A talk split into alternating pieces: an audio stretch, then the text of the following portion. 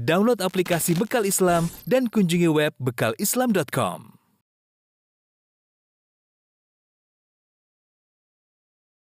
Bismillahirrahmanirrahim. Assalamualaikum warahmatullahi wabarakatuh. Alhamdulillahi ala ihsani wa syukru lahu ala taufiqihi wa amtinani wa asyhadu an la ilaha illallah wahdahu la syarika lahu ta'ziman li sya'ni wa asyhadu anna Muhammadan abduhu wa rasuluhu da'ila ridwanihi. Allahumma salli alaihi wa ala alihi wa ashabihi wa ikhwani. Para pemirsa yang dirahmati oleh Allah Subhanahu wa taala, pada kesempatan yang berbahagia ini kita akan menyampaikan kisah seorang hamba yang sangat mulia, yang sangat penyabar, yang merupakan teladan bagi setiap orang yang ditimpa dengan musibah. Dialah Nabi Ayub alaihissalam. Yang Allah Subhanahu wa taala memujinya dengan berkata, "Inna wajadnahu sabiran, ni'mal 'abdu innahu awwab." Sungguhnya kami dapati Ayub adalah seorang yang penyabar. Dia adalah sebaik-baik hamba dan dia sangat taat kepada Allah Subhanahu wa taala. Allah mengatakan, "Inna wajadnahu sabira." Kami mendapatinya menjadi hamba yang sangat penyabar. Uh, kita tahu bahwasanya kehidupan kita tidak ada yang luput dari namanya ujian, dari namanya musibah, hal-hal yang tidak kita sukai, baik berkaitan dengan harta kita atau berkaitan ekonomi kita atau berkaitan dengan keluarga kita atau berkaitan dengan jasad kita atau berkaitan dengan harga diri kita. Saya rasa tidak ada yang luput dari musibah ini. Kalau enggak ekonominya lagi diuji, atau keluarganya lagi diuji atau dirinya sendiri jasadnya diuji sakit dan yang lainnya atau harga dirinya sedang diuji dan itu semua dialami oleh Ayub alaihissalam ya maka Allah menceritakan kisah Nabi Ayub dan juga diceritakan oleh Nabi Shallallahu Alaihi Wasallam agar kita bisa meneladani uh, Nabi Ayub dan orang-orang penyabar yang lainnya. Kata Allah Subhanahu wa taala, "Ulaika alladziina hadallahu fabihudahu muqtadih." Mereka itulah yaitu para anbiya, orang-orang yang telah diberi hidayah oleh Allah, maka ikutilah petunjuk mereka. Adapun Nabi Ayub alaihissalam, ya, dia adalah seorang nabi yang jelas Allah sebutkan dalam Al-Qur'an bahwasanya Allah Subhanahu wa taala memberi wahyu kepadanya.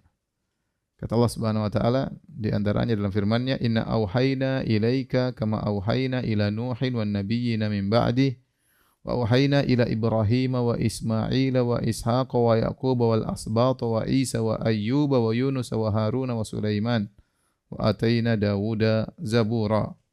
Wa rusulan qad qasasnahum 'alaika min qabl wa rusulan lam naqsusuhum 'alaik wa kallama Allah Musa taklima. Dalam ayat yang panjang kata Allah, sungguhnya kami telah mewahyukan kepada engkau wahai Muhammad.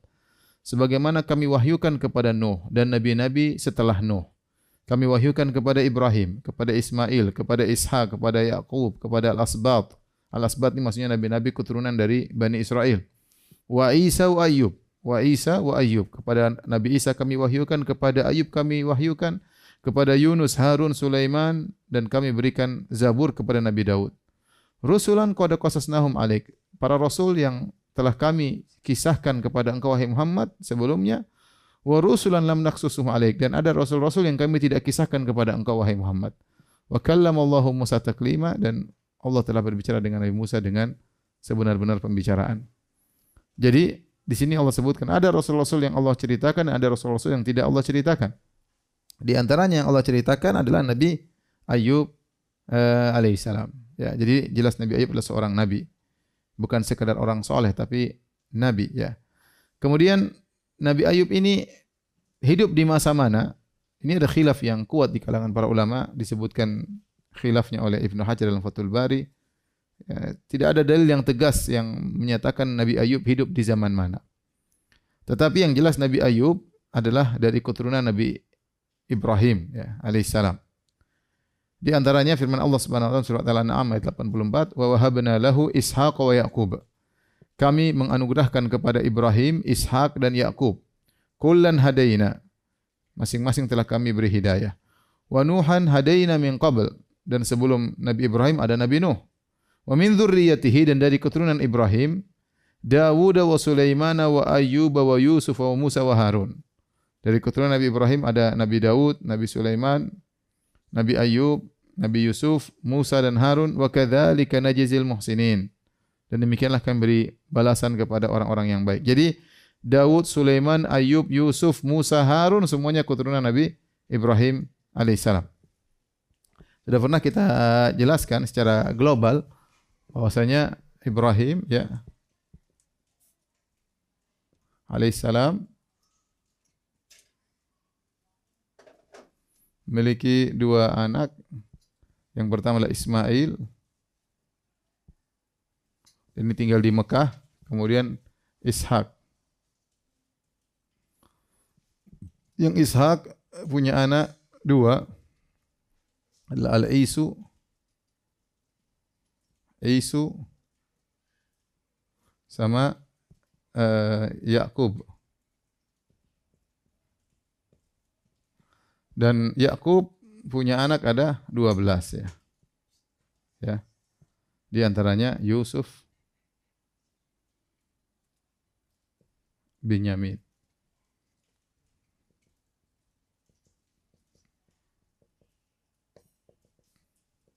Ada 12 orang. Yang disebut dengan Bani Israel. Nah, banyak ulama mengatakan Ayub alaihissalam datang dari jalur Isu. Di antaranya eh, Ibn Hajar menyebutkan nasab daripada Ayub yaitu Ibrahim Ibrahim Ishak kemudian Rigwal ya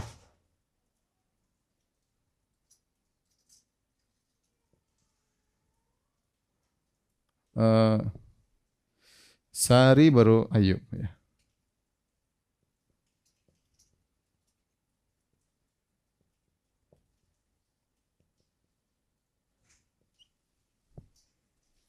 Perhatikan, jadi Ayub dari keturunan Isu. Isu bin Ishak.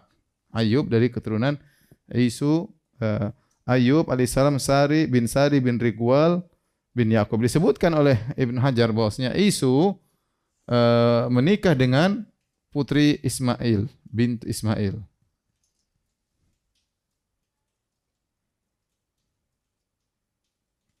Jadi jadi Nabi Ismail adalah omnya Isu Demikian juga omnya Yakub.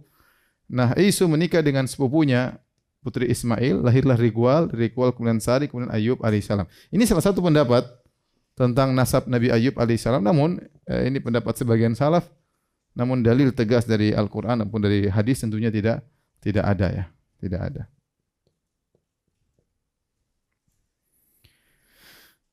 Jadi namanya Ayub bin Sari bin Rigwal bin Is bin Isu bin Ishak bin Ibrahim ya. Jadi dia sama keturunan Ishak tapi bukan dari bukan dari jalur Yakub tapi dari jalur Isu.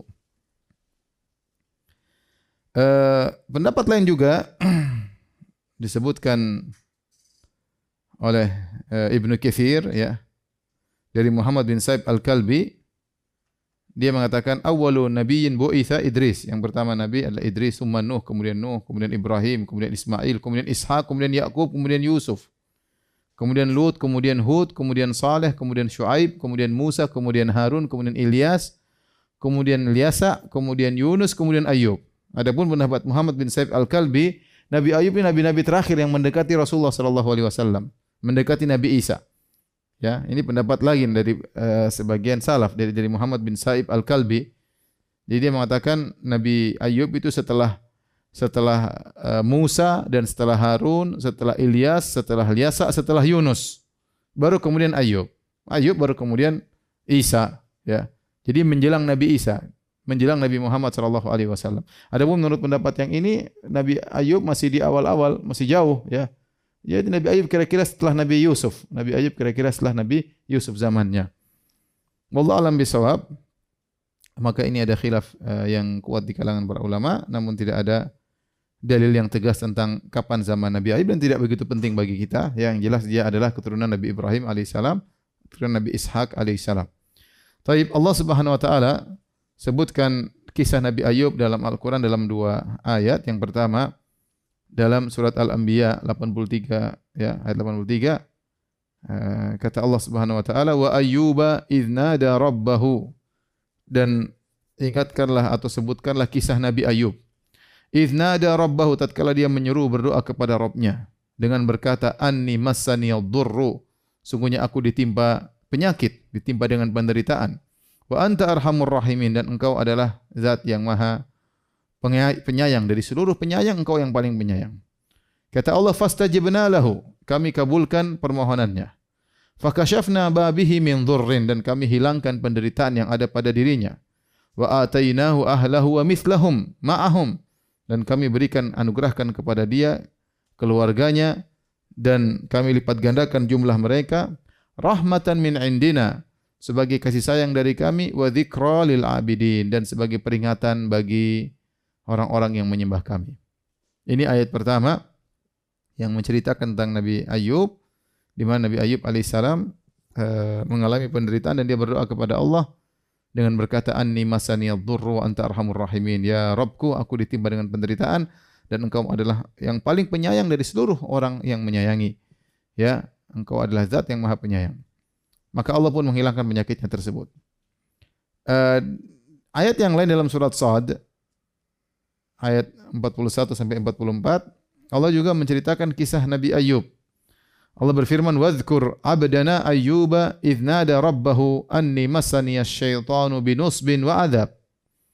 Dan ingatkanlah atau ingatlah akan hamba kami Ayub. Hamba kami Ayub. Jadi Allah terkadang menyebut atau menyebut Ayub dengan hambanya ya. Ni'mal abdu sebaik-baik hamba menunjukkan Nabi Ayub adalah hamba yang hebat dalam beribadah kepada Allah Subhanahu wa taala. Hamba kami kata Allah ingatlah hamba kami yang namanya Ayub. Iznada rabbahu tatkala dia berdoa kepada Rabbnya, anni massani syaitan. Sungguhnya aku diganggu oleh syaitan binus bin wa azab dengan penyakit dengan uh, penderitaan wa azab dengan siksaan itu dengan dengan bencana. Ya, nanti kita sebutkan apa penderitaan yang dialami oleh Nabi Ayub dan apa siksaan atau atau penderitaan atau bencana yang dialami oleh Nabi Ayub. Kata Allah, urkud. Allah kabulkan permintaan doanya Nabi Ayub. Kata Allah, urkud birijlika. Ya, kata Allah Subhanahu wa taala, hentakkanlah kakimu, itu disuruh tendangkan. Hadza muktasalun baridun wa syarab.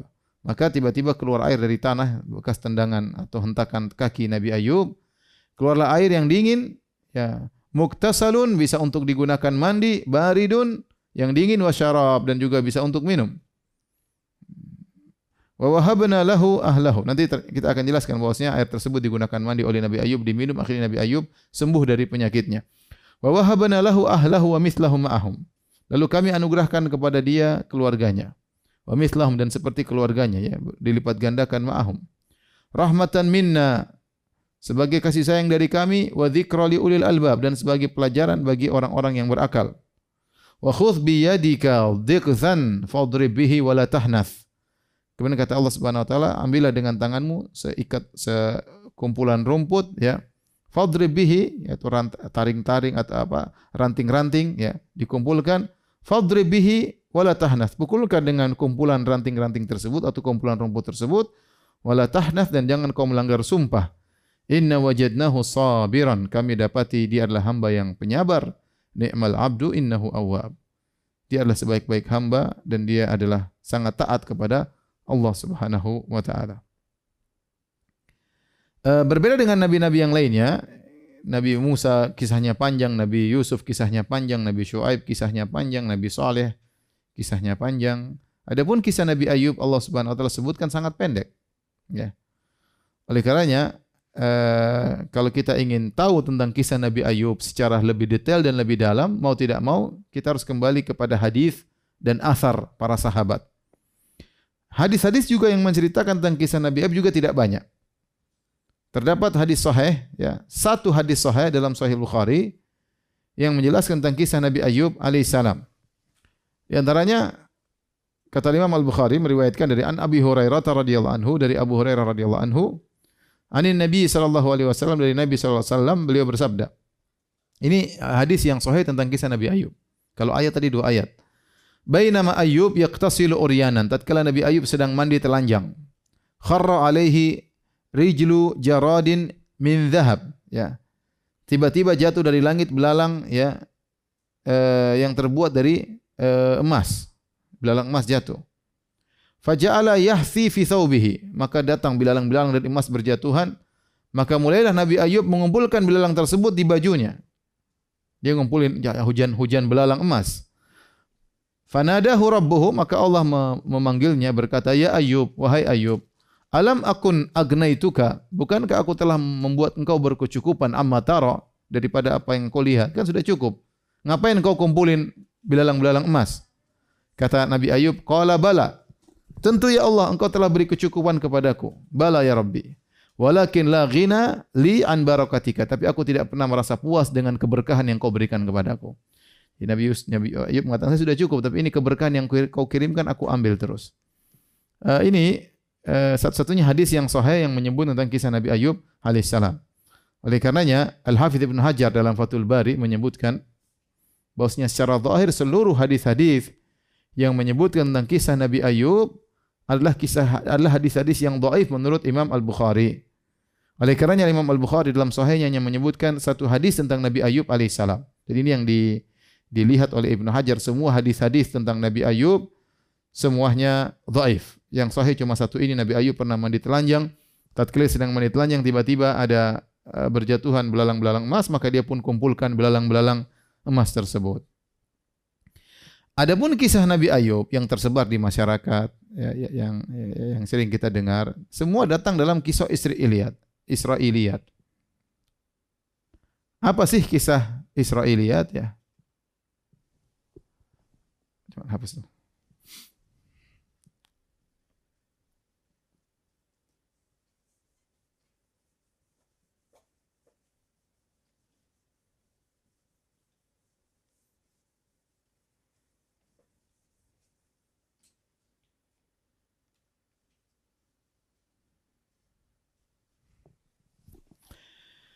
Kisah Israiliyat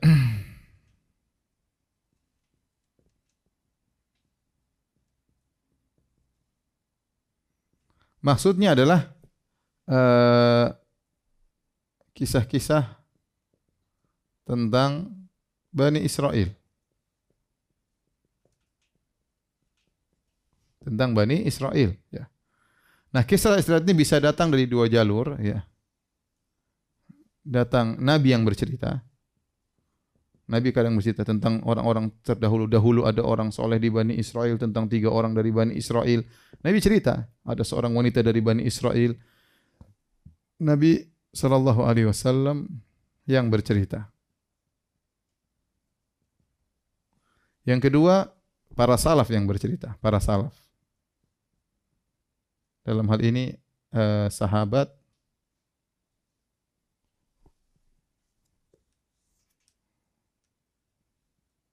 atau tabi'in. Kalau Nabi yang bercerita, ya, maka dilihat hadisnya sahih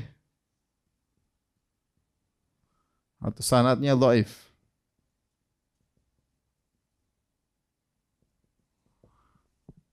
Jika hadisnya sahih, maka ini bukan lagi namanya Israiliyat. Ini namanya bukan lagi Israiliyat, namanya hadis Nabi. Hadis Nabi, bukan Israiliyat. Kenapa? Karena yang cerita Nabi SAW, maka hukumnya, hukumnya adalah hadis Nabi. Hukumnya hadis Nabi SAW. Walaupun dhaif maka kita tidak terima. Hadis dhaif. Adapun para salaf atau para sahabat tabi'in, maka hukumnya sama kita lihat. Bisa jadi ya. Bisa jadi sanatnya sahih.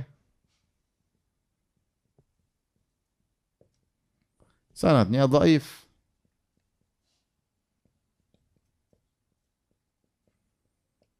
Kalau dhaif maka tidak kita terima, ya.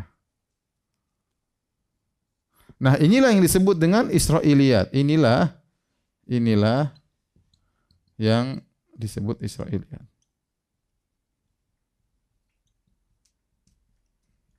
Nah, Israiliyat ini kalau sanadnya sahih, maka ada tiga kemungkinan.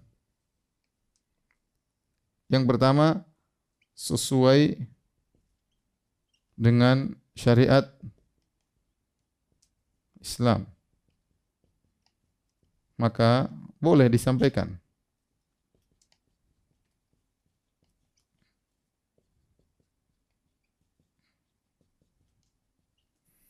Yang kedua, kontennya bertentangan dengan dalil-dalil sahih.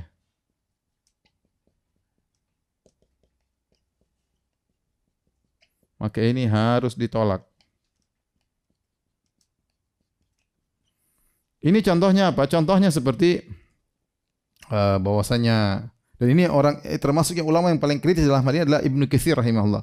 Ibnu Katsir dalam tafsirnya sering menyebutkan kisah-kisah Israiliyat tetapi dia kritis ya. Contoh seperti kisah Auk bin Nuj atau Auk bin Nuj yang atau apa uh, Auk bin siapalah namanya yang kisah orang raksasa yang katanya tingginya sekitar 1,5 km dan lainnya kisah-kisah yang aneh maka dibantah oleh Ibnu Katsir. Beliau mengatakan ini kisah enggak mungkin karena orang paling tertinggi Nabi Adam alaihissalam. Nabi Adam tingginya 60 hasta, enggak mungkin ada orang lebih tinggi daripada 60 hasta. Intinya contoh bahwasanya ada kisah Israiliyat yang dibantah oleh para ulama karena bertentangan dengan hadis yang sahih.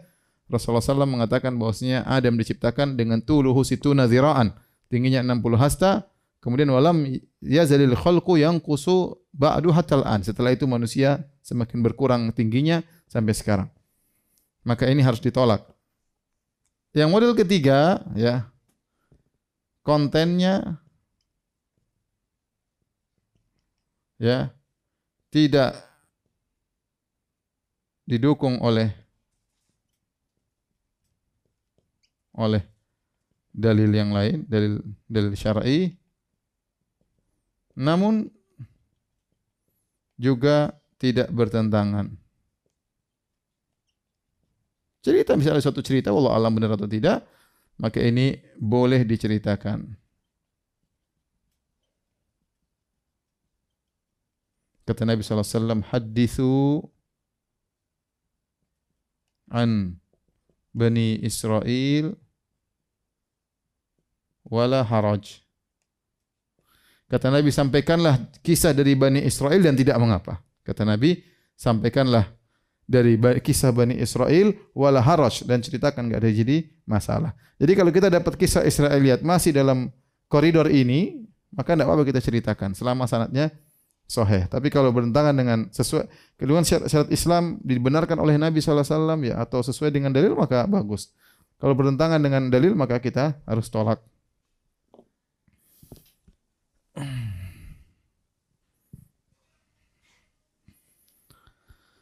Uh,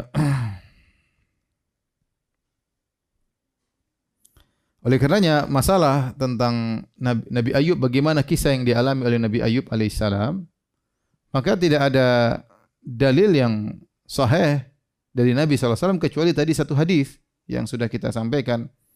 Al-Quran menyebutkan dengan global, ya, kita perlu penjelasan dari apa maksud cerita Allah tersebut. Oleh karenanya mau tidak mau ya, kita harus mengambil dari Israiliyat. Mau tidak mau kita harus mengambil dari Israiliyat.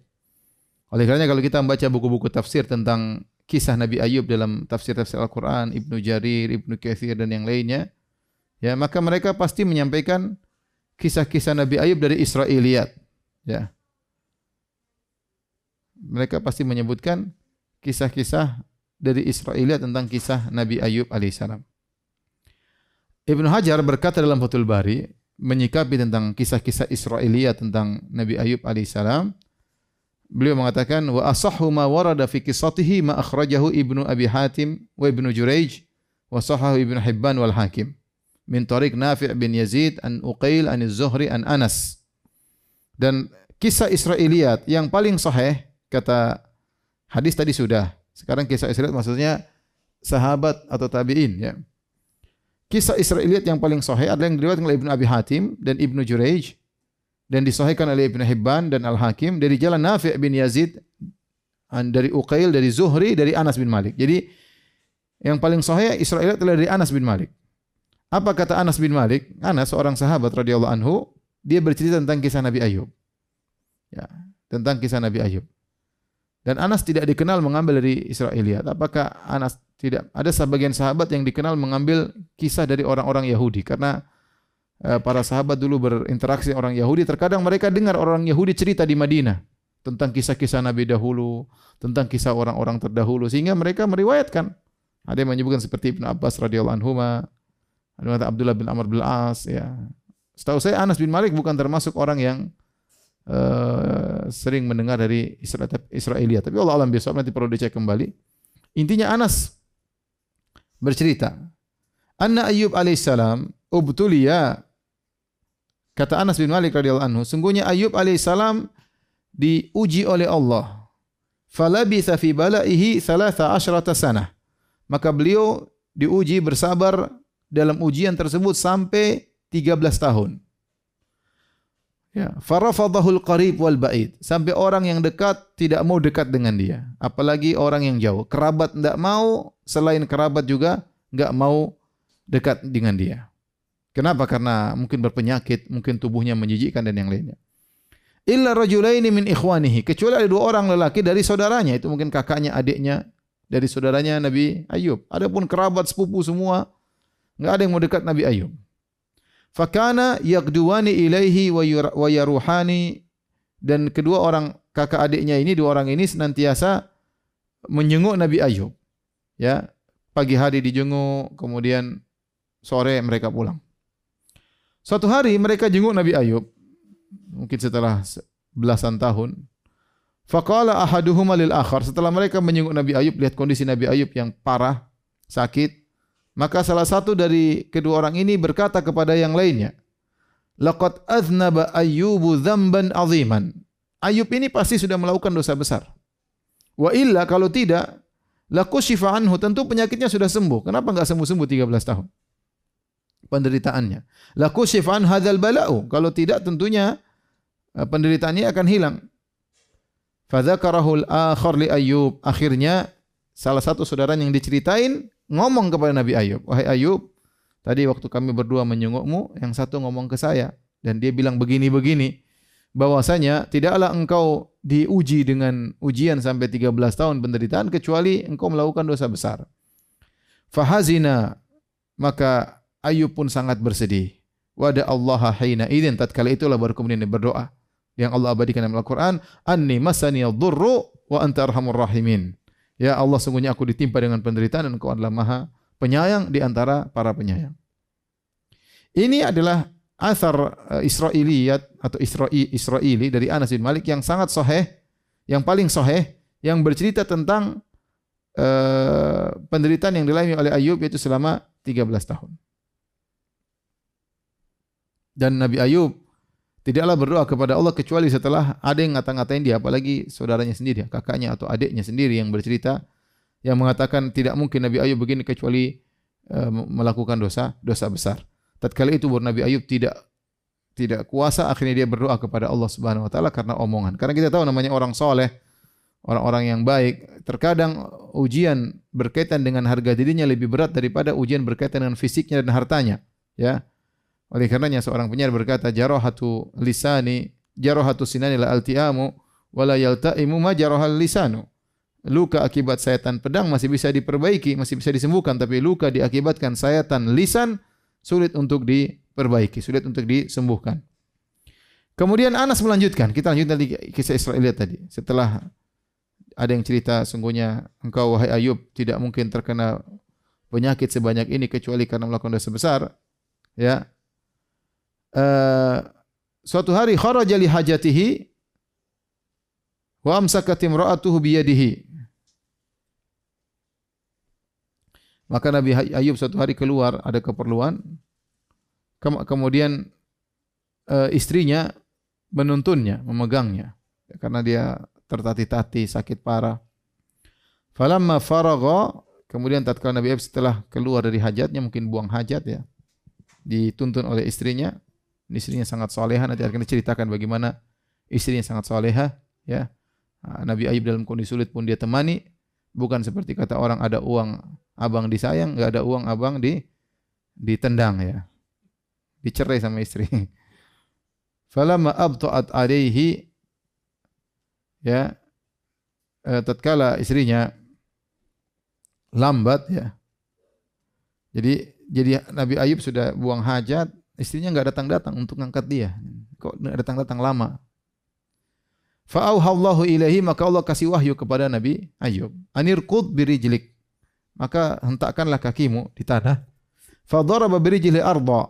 Maka Nabi Ayub pun memukulkan kakinya di tanah. Fanaba'at ainun. Tiba-tiba keluar mata air. Faktasala minha. Maka kemudian dia pun mandi dari air mata air tersebut. Faraja asahihan. Kemudian dia pun sembuh tiba-tiba. Sembuh badannya segar kembali, sehat walafiat. Fajat imra'atuhu, datang istrinya. Mau setelah ngantar buang air besar ditinggal, kemudian datang mau dijemput lagi oleh istrinya. Falam ta'rifu, istrinya bingung, mana Ayub? Ya. Karena Ayub sudah kembali segar, sehat. Fasa'alatu an Ayub. Maka istrinya tanya sama Nabi Ayub, Ayub di mana? Tadi lihat enggak ada laki-laki sini sakit, kemudian gini. Maka Ayub berkata, "Fa inni ana huwa." Saya ini Ayub. Saya ini Ayub, istrinya kaget. Wa kana lahu andarani ahaduhuma lil qamhi wal akhar syair. Nabi Ayub punya dua tempat, semacam dua bejana. Yang satu untuk menyimpan menyimpan alqamah, yang satu untuk syair, satu untuk gandum gandum putih, satu untuk gandum merah, ya.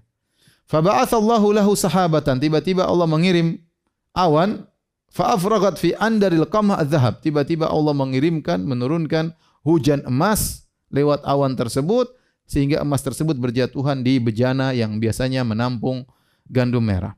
Hatta fadha sampai meluber emas tersebut. Wa fi andar syair al-fiddah. Kemudian di gandum yang tempat gandum putih biasanya Allah turunkan hujan, hujan itu menurunkan perak hatta fadha sampai meluber dari tempatnya tersebut.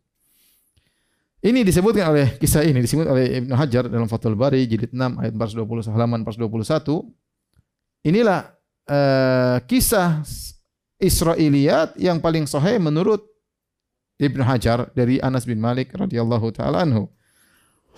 Dan kisah ini menguatkan tentang hadis Nabi SAW yang sudah kita sebutkan sebelumnya di mana Nabi Ayub mandi kemudian dia pun mengumpulkan emas-emas yang berjatuhan dari langit dalam bentuk belalang. Ibnu Hajar rahimahullah juga menyebutkan beberapa kisah lain dari para salaf seperti dari Wahab bin Munabbih, dari Muhammad bin Ishaq, dari Ibnu Abbas dan yang lainnya. Namun ada kisah Israeliat yang sangat panjang yang sering disebutkan oleh para ahli tafsir. Kisah ini menggambarkan tentang tentang ujian yang dialami oleh Nabi Ayub secara detail, secara terperinci. Ya. Allah alam tentang kesahihan kisah ini, tapi demikianlah disebutkan oleh para ulama, ya kisah ini ya. Kita ingin menyampaikan juga ya sebagaimana disebut oleh para ahli tafsir karena kalau tidak kita sampaikan kita tidak jelas bagaimana kisah Nabi Ayub. Namun secara sanad wallahu alam apakah dia sahih atau tidak saya pun belum baca penjelasan para ulama tentang sanatnya ya. Uh, adapun kisah tersebut di antara disampaikan oleh Ibnu Jarir dalam tafsirnya ya. Ibnu Katsir menyebutkan uh, sanatnya ya.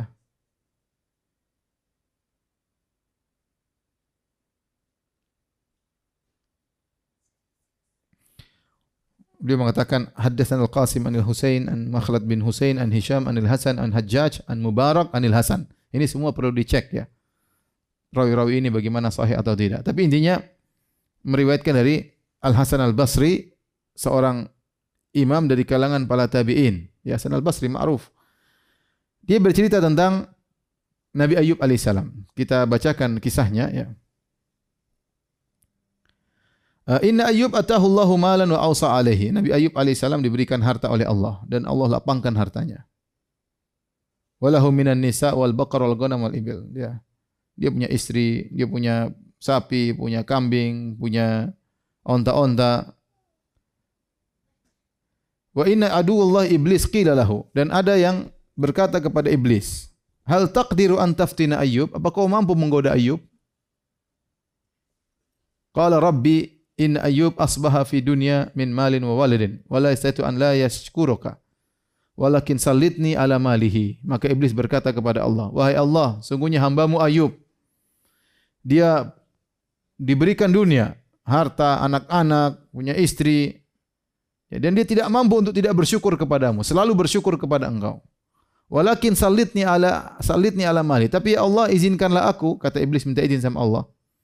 Ya Allah izinkanlah aku untuk menggodanya, menguji dari sisi hartanya, wa waladi dan juga anak-anaknya.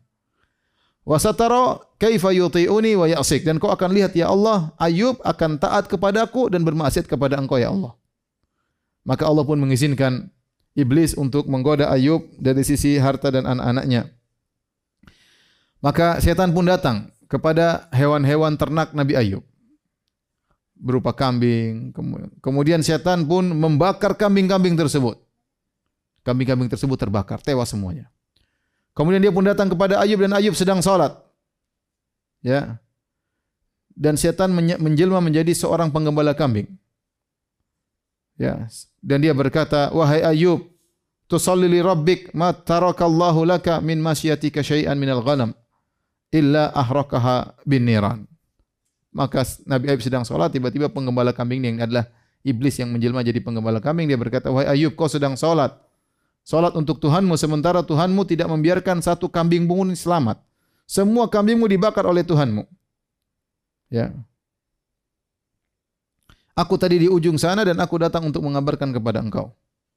Maka Ayub berkata, Ya Allah, Allahumma anta ataita wa anta akhadta. Ya Allah, engkau yang telah memberikan aku kambing-kambing dan engkau mengambilnya. Maka selama engkau masih menyisakan jiwaku, aku memuji engkau ya Allah.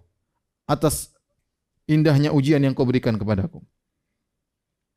Akhirnya ternyata setan tidak berhasil menggoda Ayub tatkala kambing-kambingnya dibakar. Kemudian setan iblis menggoda lagi. Dia mendatangi sapi-sapi Nabi Ayub yang dimiliki Nabi sangat banyak. Kemudian dibakar seluruhnya. Kemudian dia mendatangi Ayub dan Nabi Ayub sedang salat dan dia goda dan Nabi Ayub menjawab juga sama. Ya Allah, engkau yang telah memberikan aku sapi dan engkau yang mengambilnya. Silakan, selama kau masih menyisakan jiwaku, yaitu aku masih bisa beribadah, maka lakukanlah yang kau kehendaki. Kemudian setan tidak berhasil. Setan datang lagi ke onta-onta Nabi Ayub. Semua onta-onta Nabi Ayub dibakar oleh setan, mati semuanya. Ya. Bukan cuma itu, kemudian setan datang ke rumah Nabi Ayub, kemudian rumahnya dihancurkan oleh setan, akhirnya anak-anaknya semua meninggal. Maka setan datang kepada Ayub. Wahai Ayub, Allah telah mengutus buat anak-anakmu runtuh rumahmu. Sehingga rumahmu akhirnya runtuh dan anak-anakmu semuanya binasa. Maka Ayub berkata ketika itu, Ya Robku, sungguhnya engkau telah berbuat baik kepadaku dengan seluruh kebaikan. Sebelum hari ini engkau selalu seluruh sebelum hari ini Selalu aku disibukkan dengan cinta kepada harta di siang hari dan aku disibukkan di malam hari dengan cinta kepada anak-anak karena aku sayang kepada mereka. Sekarang engkau telah mengambil hartaku dan engkau telah mengambil anak-anakku, maka aku akan fokuskan pendengaranku dan penglihatanku, malamku dan siangku untuk memuji engkau ya Allah. Aku akan bertasbih dan bertahlil. Setan tidak berhasil lagi. Ternyata semua sudah dibinasakan. Ya, Ayub malah berkata demikian. Akhirnya setan pun pergi. Ya, dia tidak mendapati keinginan sama sekali. Akhirnya setan dipanggil oleh Allah. Allah berkata, "Kaifa ra'aita Ayub?" Wahai iblis, gimana kau dapati hambaku Ayub? Maka iblis berkata, ya, uh, ya Ayub, Qad alima annaka saturaddu alaihi maluhu waladu, walakin sallitni ala jasadihi. Ya Allah, Ayub tahu sih hartanya akan dikembalikan oleh engkau, anakmu akan anaknya akan dikembalikan oleh engkau ya Allah. Tapi izinkan aku untuk mengganggu jasadnya. Kalau dia diuji dengan penderitaan pada jasadnya, dia akan nurut sama aku dan dia akan bermaksiat kepada engkau, ya Rabb. Fasulit ala jasadi, maka oleh izinkan setan untuk menguji Ayub dari sisi jasadnya. Maka setan pun datang. Fana maka dia pun meniup Ayub pada jasadnya. Ya, maka kemudian keluarlah penyakit luka dari kepalanya sampai badannya seluruhnya. Ini ujian yang sangat berat. Sampai orang-orang semua jijik kepada Nabi Ayub. Sampai dia pun dibawa dan diletakkan lagi di rumah. Tapi diletakkan di Masbalah Kunasa di Bani Israel. Ada Bani Israel punya semacam uh, tempat sampah, Ayub diletakkan di situ. Kenapa? Karena badannya penuh dengan luka. Ya. Tidak ada hartanya, tidak ada anaknya, tidak ada temannya. Tidak ada seorang pun yang mau mendekati Ayub kecuali istrinya. Istrinya soleha ya. Dalam kondisi demikian istrinya soleha. Istrinya soleha datang dalam hadis soheh, dalam asar soheh, datang juga dalam uh, Israiliyat ini. Sabarat ma'ahu bisidq, maka istrinya benar-benar bersabar, tulus merawat Ayub. Wa kana ta'tihi bi ta'am, maka istrinya membawakan makanan buat Ayub. Kemudian uh, jika Ayub memuji Allah, maka istrinya ikut memuji Allah. Dan Ayub dalam kondisi demikian tidak pernah malas untuk berzikir kepada Allah Subhanahu wa taala. Tidak pernah malas untuk memuji Allah, untuk menyanjung Allah dan dia bersabar atas apa ujian yang Allah berikan kepadanya. Maka Hasan Al-Basri melanjutkan kisahnya, Fasarakha iblis adullah sarkhatan jama fiha junudahu min aqtaril ardi jazaan min sabri Ayub. Maka setan pun jengkel. Tidak berhasil. Sapinya sudah dihancurkan, kambingnya sudah dihilangkan, ontanya sudah dihilangkan, hartanya sudah ludes, rumah sudah ambruk, ya anak-anak sudah dibunuh oleh iblis, tidak berhasil juga iblis akhirnya jengkel. Iblis teriak, wah teriak dengan suara yang keras, dia panggil seluruh pasukannya. Seluruh pasukan iblis berkumpul rapat besar. Datang dari penjuru dunia, semua datang karena setan jengkel dengan sabarnya Ayub. Maka mereka pun kumpul di hadapan setan. Maka mereka berkata, Wahai iblis, anak buah iblis semua berkata, Ma khabaruka, kau kumpulkan kami, ada apa gerangan? Ma ayak, apa yang telah membuat engkau sampai seperti ini? Qala a'yani hadzal abdul ladzi sa'altu rabbiya an yusallitani ala mali waladihi. Ini hamba ini telah membuat aku putus asa, tidak tidak mampu ya. Buat aku gagal ya hamba yang namanya Ayub ya yang aku telah diizinkan untuk menggodanya dan aku telah binasakan seluruh hartanya, anaknya, tetapi dia semakin bersabar, semakin memuji Allah Subhanahu wa taala, semakin menyanjung Allah Subhanahu wa taala. Kemudian aku diizinkan untuk menguji badannya. Dan aku biarkan dalam seluruh tubuhnya semuanya penyakit, luka dari ujung kepala sampai ujung kaki. Bahkan aku biarkan dia ter, terpaparkan di tempat kotoran apa sampahnya Bani Israel. Tidak seorang pun yang mendekati dia kecuali istrinya. Faqad iftuhdit uftudihtu bi rabbi. Aku malu di hadapan Rabbku. Tidak berhasil menggoda Ayub. Fasantu bikum, maka saya minta tolong sama kalian anak buahku, maka tolonglah aku. Maka anak-anak buahnya berkata, "Hei iblis, mana tipu dayamu? Aina makruka? Kau kan pandai bertipu daya, masa tidak berhasil?" Mana ilmumu kau telah berhasil menggoda orang-orang sebelum ini? Kenapa kau tidak berhasil menggoda Ayub? Iblis berkata, "Batala dzalika kullu fi Ayub." Semua trikku, semua caraku sudah hancur semua di hadapan Ayub. Fa asyiru alayya, beri ide kepadaku. Maka mereka berkata, "Kami kasih ide." Bukankah Adam tatkala engkau keluarkan dari surga, dari mana kau goda Adam? Kata iblis dari istrinya. Kata setan-setan kecil, Kalau gitu ikut. Maka itu caranya. Godalah Ayub dari sisi istrinya. Ya, sungguhnya Ayub sayang sama istrinya, tidak mungkin dia membangkang istrinya. Dan tidak ada yang dekat dengan dia kecuali istrinya. Subhanallah. Istrinya solehah ya. Suami kayak begini luka parah, terpaparkan tapi dia tetap sabar ya mengayomi istri, mengayomi suaminya. Kata iblis, benar-benar asabtum. Kalian setan-setan kecil pintar ya. Maka akhirnya Iblis pun pergi ke istrinya. Istrinya sedang bersedekah. Fatamathala laha fi surati rajulin. Iblis pun menyambar menjadi seorang laki. Kemudian dia bertanya, "Mana suamimu wahai hamba Allah?" Qala huwa dzaka yahukku kurhahu. Itulah suamiku yang sedang garuk-garuk lukanya. Wa yataraddadu dawabu fi jasadi dan ulat-ulat berjalan di badannya. Falamma sami'atu mi an takuna kalimat jaza' tatkala iblis mendengar istrinya cerita seperti itu, iblis ingin istrinya mengeluh. Maka fawaqa'a fi sadriha fawaswasa ilaihi, maka iblis pun masuk ke dalam dada sang wanita kemudian diwaswas, dibisik-bisikin. Fadzakkaraha ma kanat fi minan na'am. Maka minan ni'am, maka iblis tadi sudah menjelma laki-laki, kemudian iblis masuk ke dalam dadanya bisik-bisikin. Maka dibuatlah ingat masa lalu yang indah.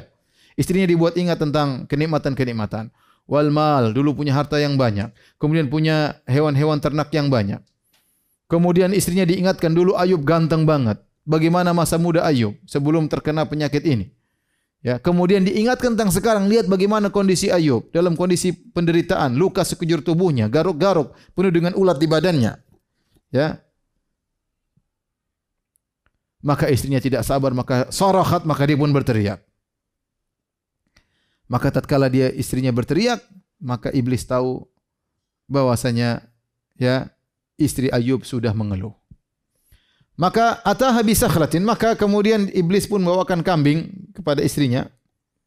Kemudian dia berkata, hendaknya kambing ini ya eh, disembelih ya untuk Ayub. Sembelih untukku bagi Ayub, maka dia akan sembuh. Kemudian istrinya pun datang bawa kambing tersebut. Dia datang kepada Ayub. Dia berkata, wahai Ayub, wahai Ayub. Sampai kapan yu'adzibuka rabbuka? Sampai kapan Tuhanmu terus menyiksamu seperti ini? Ala yarhamuka. Kenapa Tuhanmu tidak sayang kepadamu? Ainal masya, lihat bagaimana mana semua hewan-hewan ternak kita sudah hilang semuanya. Ainal mal, mana harta semuanya sudah hilang. Ainal walad, anak-anak kita juga sudah hilang semua. Ainal sodik, mana teman enggak ada sama sekali. Ainal launukal hasan, mana tubuhmu kulitmu yang indah. Semuanya sudah berubah. Wasara mislar ramat, sekarang tubuhmu semua seperti debu, ya, hancur lebur penuh dengan ulat. Aina jismukal hasan ladzi qad baliya, Mana tubuhmu yang dulu indah sekarang sudah rusak semua. Wa taraddada fihi dawab, sekarang ulat-ulat sudah berjalan di tubuhmu. Ithbah hadhi sakhlah wastalih. Sembelihlah ini kambing ini kemudian selesai. Disuruh menyembelih kepada selain Allah. Disuruh syirik. Ayub paham kata Ayub, ataki adullah wa istriku. Musuh Allah telah datang kepadamu. Fanafakha fiki dan dia telah menggodamu. Fawajada fiki rifqan wa ajabtihi. Dia telah mendapati dirimu lemah dan kau telah memenuhi ya seruannya. Wailaki araaiti ma tabkina alaihi mimma tadhkurin. Celaka engkau wahai istriku. Ya. Lihatlah apa kau sekarang tangisi. Perkara-perkara yang kau tangisi. Dari yang kau sebutkan tadi. Uh, harta, hewan ternak, anak-anak. Ma kunna fi minal mal wal wasah was syabab yang kau sebutkan tentang kenikmatan-kenikmatan terdahulu. Mana atonihi? Siapa yang telah memberikan kepadaku semua kenikmatan tersebut? Istrinya menjawab Allah. Qala Ayub berkata, "Fakam muti'na bihi?" Berapa lama kita dikasih nikmat seperti itu? Qalat thamanina sanah. Kata istrinya kita diberi nikmat dengan nikmat yang banyak 80 tahun. Ayub bertanya lagi. Famuz kami ibtalana Allahu bihadzal bala alladhi ibtalana bih. Sudah berapa lama kita dikasih ujian seperti ini? Sakit luka seperti ini. Qalat mundu sab'ina sinin wa ashur. Baru tujuh tahun sekian bulan. Qala wailaki wallahi ma adalti. Wahai istriku kau tidak adil. Wala ansafti rabbaki dan kau tidak bersikap adil kepada Rabbmu. Ala sabarti hatta nakuna fi hadzal bala alladhi ibtalana rabbuna bi thamanina sana. Tidakkah kau harusnya bersabar sebagaimana kau diberi kenikmatan 80 tahun harusnya kita bisa bersabar diberi ujian seperti 80 tahun juga. Sebagaimana kita dalam kesenangan 80 tahun harusnya kita sabar dalam penderitaan 80 tahun. Kemudian Ayub berkata, "Wallahi la in syafani ya Allahu la ajlidannaki mi'ata jaldah." Kalau Allah sembuhkan aku, aku akan cambuk engkau 100 kali. Hih, Amartini an adzbah li. Kau sekarang datang menyuruh aku untuk nyembelih kepada selain Allah. Ta'amuki wa syarabiki alladhi ya'tini bi alaihi haram. Sekarang semua makanan yang kau bawa kepadaku, minuman yang kau bawa kepadaku haram, saya tidak mau minum, saya tidak mau makan. Wa an adzuqa ma ta'tini bihi ba'd. Aku tidak mau merasakan apa pun yang kau bawa kepadaku. Karena kau telah mengucapkan hal ini. Fagrubi anni fala araki. Pergilah engkau, jangan saya tidak mau lihat engkau. Fataradaha. Ayub sendirian di tempat sampah. Dia usir istrinya. Fadhahabat istrinya pun pergi. Setan tidak berhasil lagi. Setan bilang, "Hadza qad wattana nafsahu zamanina." Ini orang sudah siap-siap untuk diuji selama 80 tahun. Alladhi huwa fihi. Faba'a bil ghalabah wa rafadahu dan akhirnya dia pun kalah ya. Kemudian Ayub melihat pada istrinya, dia sudah usir istrinya. Walaysa indahu ta'amu wa syarab wa sadiq. Tidak ada makanan, tidak ada minuman, tidak ada teman. Kemudian tiba-tiba lewatlah dua orang melewati Nabi Ayub. Nabi Ayub sedang demikian sendirian, istrinya enggak ada, temannya enggak ada, makanan enggak ada. Maka dua orang ini komentar, salah satunya ngomong, "Wallahi ma ala dhahril ardi yauma idzin wala wallahi ma ala dhahril ardi yauma idzin akramu ala Allah min Ayyub." Faqala ahadu rajulin li sahibihi, Lau kana lillahi fi hadha hajah ma balagha bi hadha falam yasma Ayyub syai'an kana ashadda alaihi min hadhil kalimah. Padahal waktu itu tidak ada orang yang paling dicintai oleh Allah di atas muka bumi kecuali Ayub. Orang yang paling disayang oleh Allah adalah Ayub. Yang paling dicintai oleh Allah adalah Ayub. Tapi apa komentar orang ini? Kata orang ini kepada salah satunya, kalau Allah memang ada keperluan sama orang ini, tentu dia tidak akan si Ayub ini tentu dia tidak akan menderita seperti penderitaan ini. Ini cercaan bagi Ayub dan Ayub tidak pernah mendengar sesuatu yang lebih berat daripada cemoohan ini. Dia dianggap gak beres, dia anggap Allah tidak sayang sama dia, dianggap Allah tidak pedulikan dia. Buktinya dibiarkan seperti ini. Maka tatkala itulah baru kemudian Ayub berdoa kepada Allah Subhanahu wa taala ya. Maka dia pun berdoa, "Rabbi anni masani dhurru." Ya Rabbku, sungguhnya aku ditimpa dengan penderitaan. Wa anta arhamur rahimin dan engkau adalah maha penyayang dan maha pengasih. Maka kemudian dikatakan kepada Ayub, "Irfa ra'saka faqad ustujiba laka." Angkat kepalamu Ayub, sungguhnya doamu telah dikabulkan. Kata Allah, "Urqud birijlika hadza muktasalun baridun wa syarab." Hentakkanlah kakimu di tanah, maka akan keluar air. Kau mandi dengan air tersebut dan minumlah dari air tersebut. Faraqadha birijlihi fanaba'at ainun. Maka dia pun menendangkan kakinya di tanah, maka keluarlah mata air. Fakta salaminha, kemudian dia pun mandi dari mata air tersebut. Falam yabqa alaihi min da'ihi syai'un zahirun illa saqat. Semua penyakit yang ada di badannya semua hilang. Ya. Semua penderitaan semuanya hilang. Kemudian masa mudanya kembali lagi, ketampanannya kembali lagi. Bahkan lebih tampan daripada sebelumnya, lebih baik daripada sebelumnya. Ya. Kemudian dia pukulkan lagi kakinya kedua kali, maka keluarlah air lagi, kemudian digunakan untuk minum.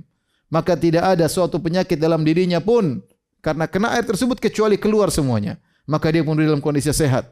Ya, maka dia pun diberikan oleh Allah baju yang indah.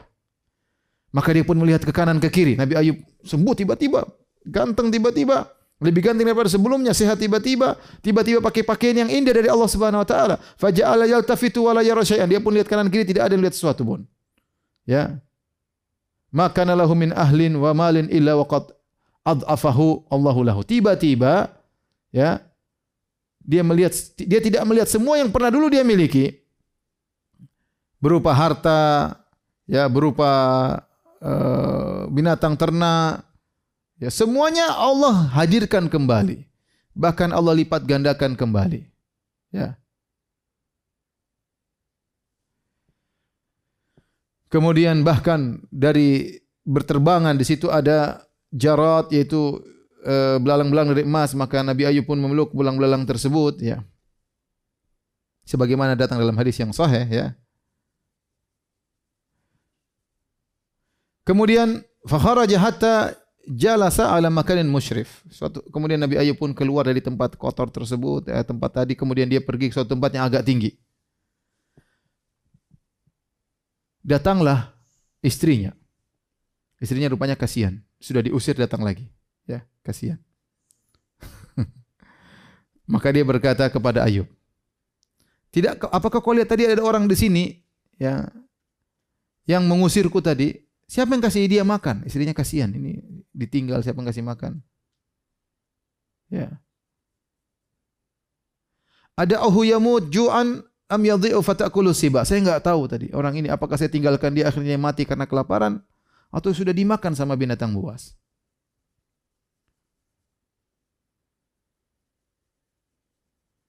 Maka dia pun datang dia lihat ya uh, apa namanya mohon maaf tadi istrinya ngomong pada dirinya sendiri ya. Dia ngomong pada diri sendiri. Waktu dia sudah pergi, dia ngomong, "Tadi gimana sih Ayub? Saya tinggalkan, dia sudah usir saya, tapi kalau saya tinggalkan nanti dia mati atau kemudian dimakan binatang buas, la arji anna ilaihi. Saya akan kembali ke tempat tersebut." Maka dia pun balik ke tempat kotoran apa tempat sampah. Maka tidak lagi tempat sampah di situ dilihat, semua sudah berubah. Ya. Semua kondisi telah berubah. Kemudian dia putar-putar di situ dan dia menangis. Ya. Di situ ada mata air yang tadi Ayub uh, tendang kemudian keluar mata air. Kemudian tiba-tiba ada seorang memakai kain yang indah kemudian datang kepada wanita tersebut ya. Kemudian dia bertanya, "Ma turini ya Allah? Apa yang kau cari wahai hamba Allah?" Padahal Ayub. Maka istrinya menangis. Maka istrinya berkata, aku mencari seorang lelaki yang tadi terbuang di sini di tempat sampah. Aku tidak tahu apakah dia sudah hilang atau ke mana atau apa yang telah terjadi padanya. Maka Ayub bertanya, kau ini siapanya? Fabakat, wanita ini menangis. Dia berkata, itu suamiku. Fahal tahu apa kau lihat suamiku? Kemudian istrinya terus menangis. Dia tadi di sini. Kemudian akhirnya Ayub berkata, apakah kau kenal suamimu jika kau melihatnya? Kata sang wanita, apakah saya tidak tahu? Ya, melihat saya pasti tahu dia kalau saya lihat dia. Akhirnya istrinya Ayub melihat kepada Ayub. Ya, kemudian dilihat dengan penuh lihat perhatian sementara Ayub dengan karismatiknya ya. Kemudian dia berkata, "Ketahuilah bahwasanya suamiku kalau dia sehat seperti kamu. kalau dia seperti kamu." Maka Ayub berkata, "Fa inni ana Ayub." Aku adalah Ayub suamimu. Yang tadi kau perintahkan aku untuk menyembelih untuk syaitan. Sungguhnya aku telah taat kepada Allah dan aku maksiat kepada syaitan. Ya, aku telah berdoa kepada Allah dan Allah telah mengembalikan seluruh apa yang kau lihat. Inilah para pemirsa yang dirahmati oleh Subhanahu wa taala, ya riwayat yang disampaikan oleh Hasan Al-Basri ya uh, tentang bagaimana kisah Nabi Ayub alaihissalam.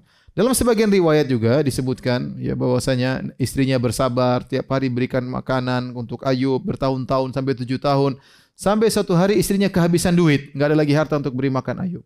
Sementara dia punya rambut yang panjang dan dia punya kepang dua.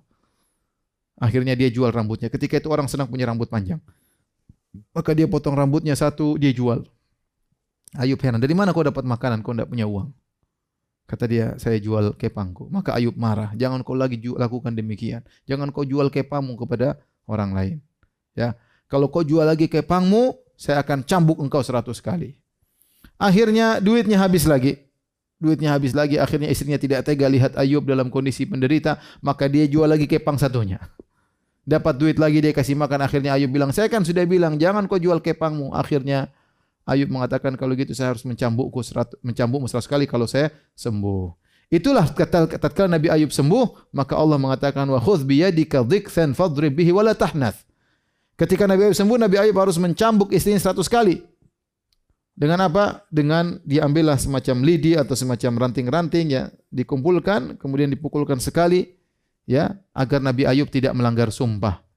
Maka selesai sumpah yang dia ucapkan tentang istrinya.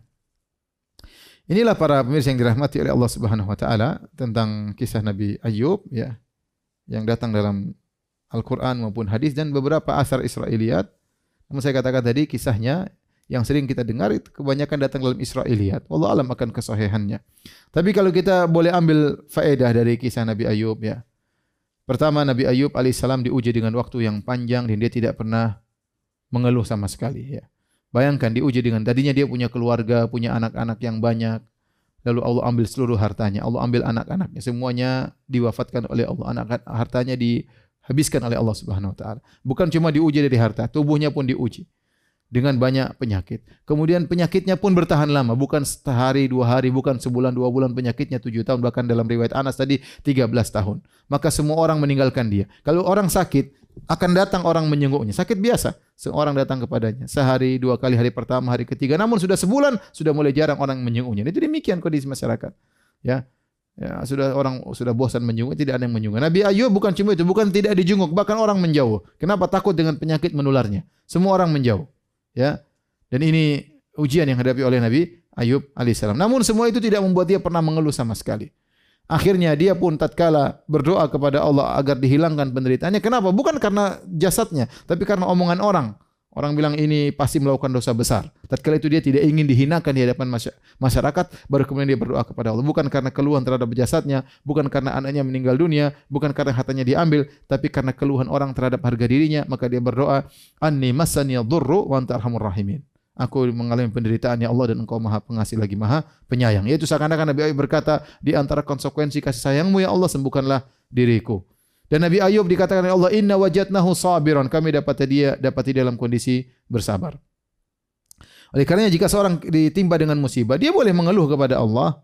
Ya bukan mengatakan ya Allah kenapa kau timpakan kepada aku, tidak, tapi dia mengeluhkan kondisi dia, menunjukkan kerendahan dia kemudian mengakui keagungan Allah agar disembuhkan. Ini boleh. Adapun berdoa ya Allah kenapa kau timpakan aku musibah ini enggak boleh. Tapi kalau ya Allah aku sakit, aku menderita, semua orang menjauhiku ini boleh. Dilakukan oleh Nabi Ayub, dilakukan oleh Nabi Yakub, dilakukan oleh Nabi Muhammad wasallam menceritakan tentang penderitaan yang dia alami kepada Allah bukan bukan mengeluh. Itu tidak jadi masalah. Ya. Adapun mengeluh tidak tidak boleh. Tidak seperti banyak orang yang mengeluhkan uh, penderitaannya kepada manusia lain. Kita sebaiknya jangan demikian. Kita sembunyikan penderitaan kita keluhan kita, kita keluhkan kepada Rabbul Alamin. Orang kalau kita cerita penderitaan kita, dia paling bilang apa? Sabar ya. Sabar ya. Kemudian dia tidak bantu ya. Sebagian bantu pun terbatas ya. Kita serahkan kita serahkan kepada Allah. Allah akan bantu kita dengan caranya Allah Subhanahu wa taala. Apakah melalui orang-orang baik atau apa saja, serahkan kepada Allah Subhanahu wa taala. Di antara faedah yang bisa kita ambil agar kita bisa bersabar, ingat kenikmatan-kenikmatan yang Allah pernah berikan kepada kita. Kita diuji mungkin tidak lama, sementara nikmat yang sudah kita rasakan sudah sekian lama, ya. Bayangkan tadi dalam Israiliyat tadi Nabi Ayub berkata kepada istrinya, "Kau sudah dikasih nikmat berapa? 80 tahun. Kita sekarang baru 7 tahun." Ya. Dan ini uh, sangat penting ya. Oleh karenanya kebanyakan orang ya kata Allah Subhanahu wa taala inna innal insani rabbih lakanud. Manusia itu suka berkeluh kesah. Kenapa kata Hasan Al-Basri yansan ni'am wa yadhkurul masaib. Suka ingat-ingat musibah dan nikmat-nikmat lupa. Kalau dikasih musibah itu yang diingat-ingat. Dia lupa kalau selama ini dikasih kenikmatan, selama ini dikasih kesehatan, selama ini dikasih harta yang berlimpah ruah. Mungkin dalam kondisi tertentu, dalam kondisi sulit ya tidak boleh dia mengeluh. Ya, saya contohkan kita ujian sederhana. Kita sekarang dapat eh, pandemi. Dalam kita paling berapa bulan sih? Dua bulan, tiga bulan, empat bulan, taruhlah setahun. Ya memang semuanya merasakan berat. Tidak ada yang merasa gampang. Ekonomi diuji, semua diuji. Banyak masalah. Tetapi ingatlah kenikmatan yang selama ini Allah berikan kepada kita. Puluhan tahun mungkin orang kasih kita kenikmatan. Diuji kemudian kita mengeluh kepada Allah. Ya Allah kapan selesainya Allah. Kita mengeluh nggak boleh seperti itu. Sabar. Jaga lisan. Jaga lisan. Ya, kita semua ingin selesai. Tapi jangan sampai kita mengeluh ya. Kemudian kita seakan-akan menyalahkan Allah, ya kenapa begini, kenapa begini.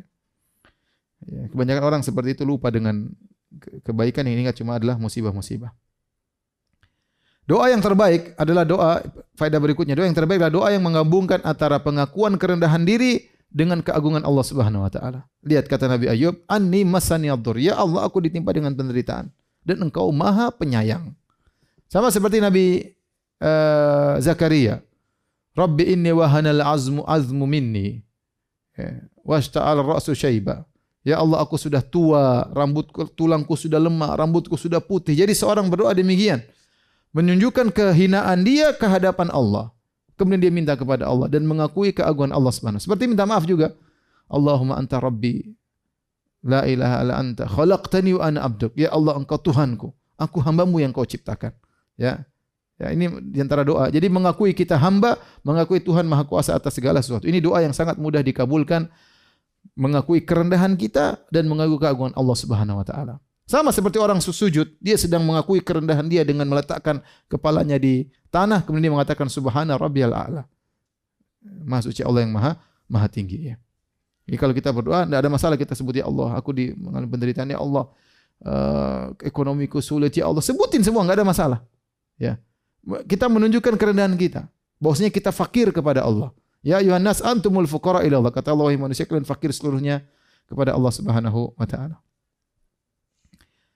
Uh, kemudian di antara faedah mukjizat Nabi Ayub. Nabi Ayub diberi mukjizat. Dia tendangkan kakinya keluar air, air tersebut tiba air biasanya air, air biasanya hangat air tanah tiba-tiba dingin, kemudian bisa mandi langsung bisa diminum dan penyembuh obat bagi penyembuh penyakit bagi Nabi Ayub. Setelah itu Allah kembalikan seluruh ketampanannya, jasadnya. Makanya Allah mengatakan wahabana lahu ahlahu wa mislahum. Para ulama khilaf tentang makna firman Allah ini. Kami anugerahkan kepada dia keluarganya dan yang semisalnya. Ada yang mengatakan bahwasanya Nabi Ayub keluarganya yang sudah meninggal semuanya anak-anaknya dihidupkan kembali bahkan dua kali lipat anaknya jadi banyak. Ya.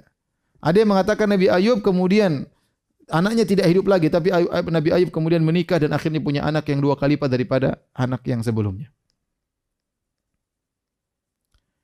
Dan ini juga dalil bahwasanya kita boleh mengumpulkan harta sebanyak-banyaknya. Nabi Ayub waktu dikasih uh, belalang dia berusaha ngumpulin. Maka Allah bertanya, apa ya aku tidak cukup? Kata Ayub, bagaimana saya cukup dari keberkahanmu? Jadi mengumpulkan harta tidak mengapa selama digunakan untuk di jalan Allah Subhanahu wa taala. Nabi Ayub saja kasih uh, apa namanya uh, belalang emas dia kumpulin. Kita apalagi ada gajah emas kita kumpulin. Tapi yang jadi masalah bukan emas tersebut kita simpan-simpan di rumah, di bawah tanah, di bawah tempat tidur. Itu jadi masalah. Jadi musibah hari kiamat kelak. Tapi emas-emas tersebut kita gunakan untuk di jalan Allah Subhanahu wa taala itu yang benar. Hmm. Kata Nabi sallallahu alaihi wasallam, "As-sa'i malah wal miskin." Orang yang membantu para janda, orang miskin, kal mujahid fi seperti orang berjihad di jalan Allah Subhanahu wa taala.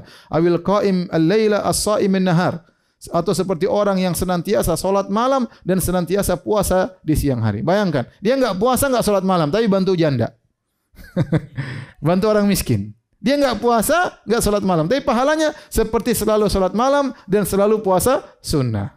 Apalagi dia sudah bantu para janda, kemudian dia puasa lagi. Jadi, bantu janda pakai apa? Pakai ganteng doang? Enggak, pakai duit. Harus ada duit bantu kasih orang miskin, para janda, anak yatim, itu baru namanya bantu. Kalau enggak punya duit gimana cara bantu? Maka maksud saya tidak mengapa kita punya duit dan itu tidak jadi masalah karena itu berkah dari Allah yang penting kita gunakan di jalan Allah Subhanahu wa taala bukan untuk kita tumpuk-tumpuk. Kemudian juga di antara dalil boleh mandi telanjang. Nabi Ayub mandi telanjang. Disebut dalam hadis Nabi Ayub mandi telanjang selama tidak dilihat oleh orang orang lain yang bukan istri kita ya. Adapun eh, apa namanya tidak ada yang melihat kita, kita telanjang enggak ada masalah sebagaimana tadi dalam hadis nama Ayub yaktasilu uryanan tatkala Ayub mandi telanjang dan juga Nabi bercerita tentang Nabi Musa alaihissalam yang juga mandi telanjang. Ini menunjukkan bahwasanya boleh mandi uh, telanjang. Adapun sama suami istri enggak ada masalah. Sebagaimana kata Aisyah, kuntu aktasilu anna wa Nabi sallallahu alaihi wasallam wahidin. Aku dan kata Aisyah, aku dan Nabi mandi bareng dari satu tempayan. Tentu saling melihat di antara mereka enggak ada masalah. Kemudian yang faedah berikutnya berusaha untuk menunaikan janji. Nabi Ayub berjanji, saya akan saya akan mencambuk engkau wahai istriku seratus kali. Maka Allah tidak ingin janji Nabi Ayub dibatalkan. Maka Allah kasih solusi caranya ngambil ranting-ranting, dikumpulkan kemudian dipukul sekali kepada istrinya. Kemudian di antara faedah dari kisah ini bagaimana setianya istrinya Nabi Ayub alaihissalam. Ini istri yang soleha, istri yang bisa kita lihat soleha tatkala dalam kondisi susah. Ya, subhanallah sebagian orang ya, ada orang subhanallah dulu kaya raya, kemudian tiba-tiba dia miskin, tiba-tiba ekonomi jatuh, istrinya tinggal, tinggalkan dia, istrinya kawin lagi. Itu ada kejadian di antara kawan-kawan kita. Ya. Oleh karenanya Semoga Allah menganugerahkan kepada kita istri-istri yang soleha ya. Yang tetap sayang kepada kita dalam kondisi lapang maupun dalam kondisi susah. Jangan menjadi kalau ada uang abang disayang, ya. Kalau tidak ada uang abang ditendang ya. Abang diomelin tiap hari. Tapi demikian saja kajian kita. Subhanakallah bihamdik anta Assalamualaikum warahmatullahi wabarakatuh.